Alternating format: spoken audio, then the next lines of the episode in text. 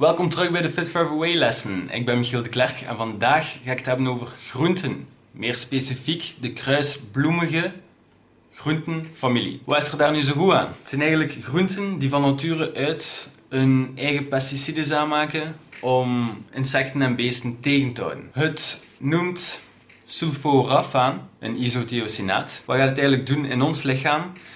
Het gaat eigenlijk verschillende wegen in ons lichaam openen, die er voor alle soorten goede dingen gaat zorgen.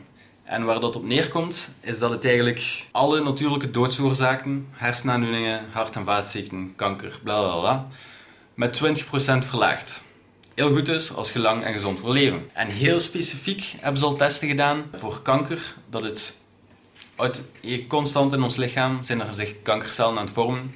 Shock voor iedereen, maar toch is het zo. Door genoeg vitamine en mineralen wordt dat deels wel opgelost. Maar die groenten gaan die nog extra bestrijden. Als je bijvoorbeeld rookt, hebben ze ook al bij rokers testen gedaan. De rokers en die aten die groenten hadden 50% minder kans om kanker te krijgen. Mensen die al kanker hebben en die groenten eten, de groei van de kanker werd ook vertraagd.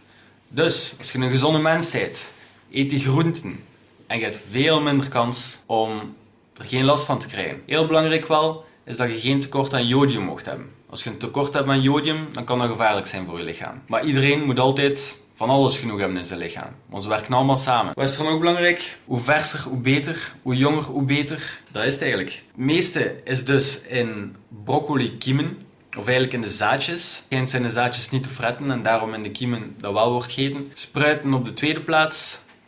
En nog in verband met koken, rauw is voor die stofjes het beste. En als je toch wil gekookt eten, dan kun je het best stomen, 3 tot 4 minuten maximum. En als je het per se wilt koken, maar dat vind ik echt een moeilijke berekening, mag maar boven de 60 graden Celsius zijn of zoiets. En het mag dan wel 8 tot 10 minuten koken. Dus in mijn ogen, rauw is het beste. 250 gram van dat soort familie per dag, ideaal. En dat was het. Ah, het is ook ontstekingwerend, wat ook al heeft aangetoond dat het het verouderingsproces versnelt. Goed, dat was het. Einde les. Leef lang, leef gezond. En zijn vriendelijk tegen iedereen.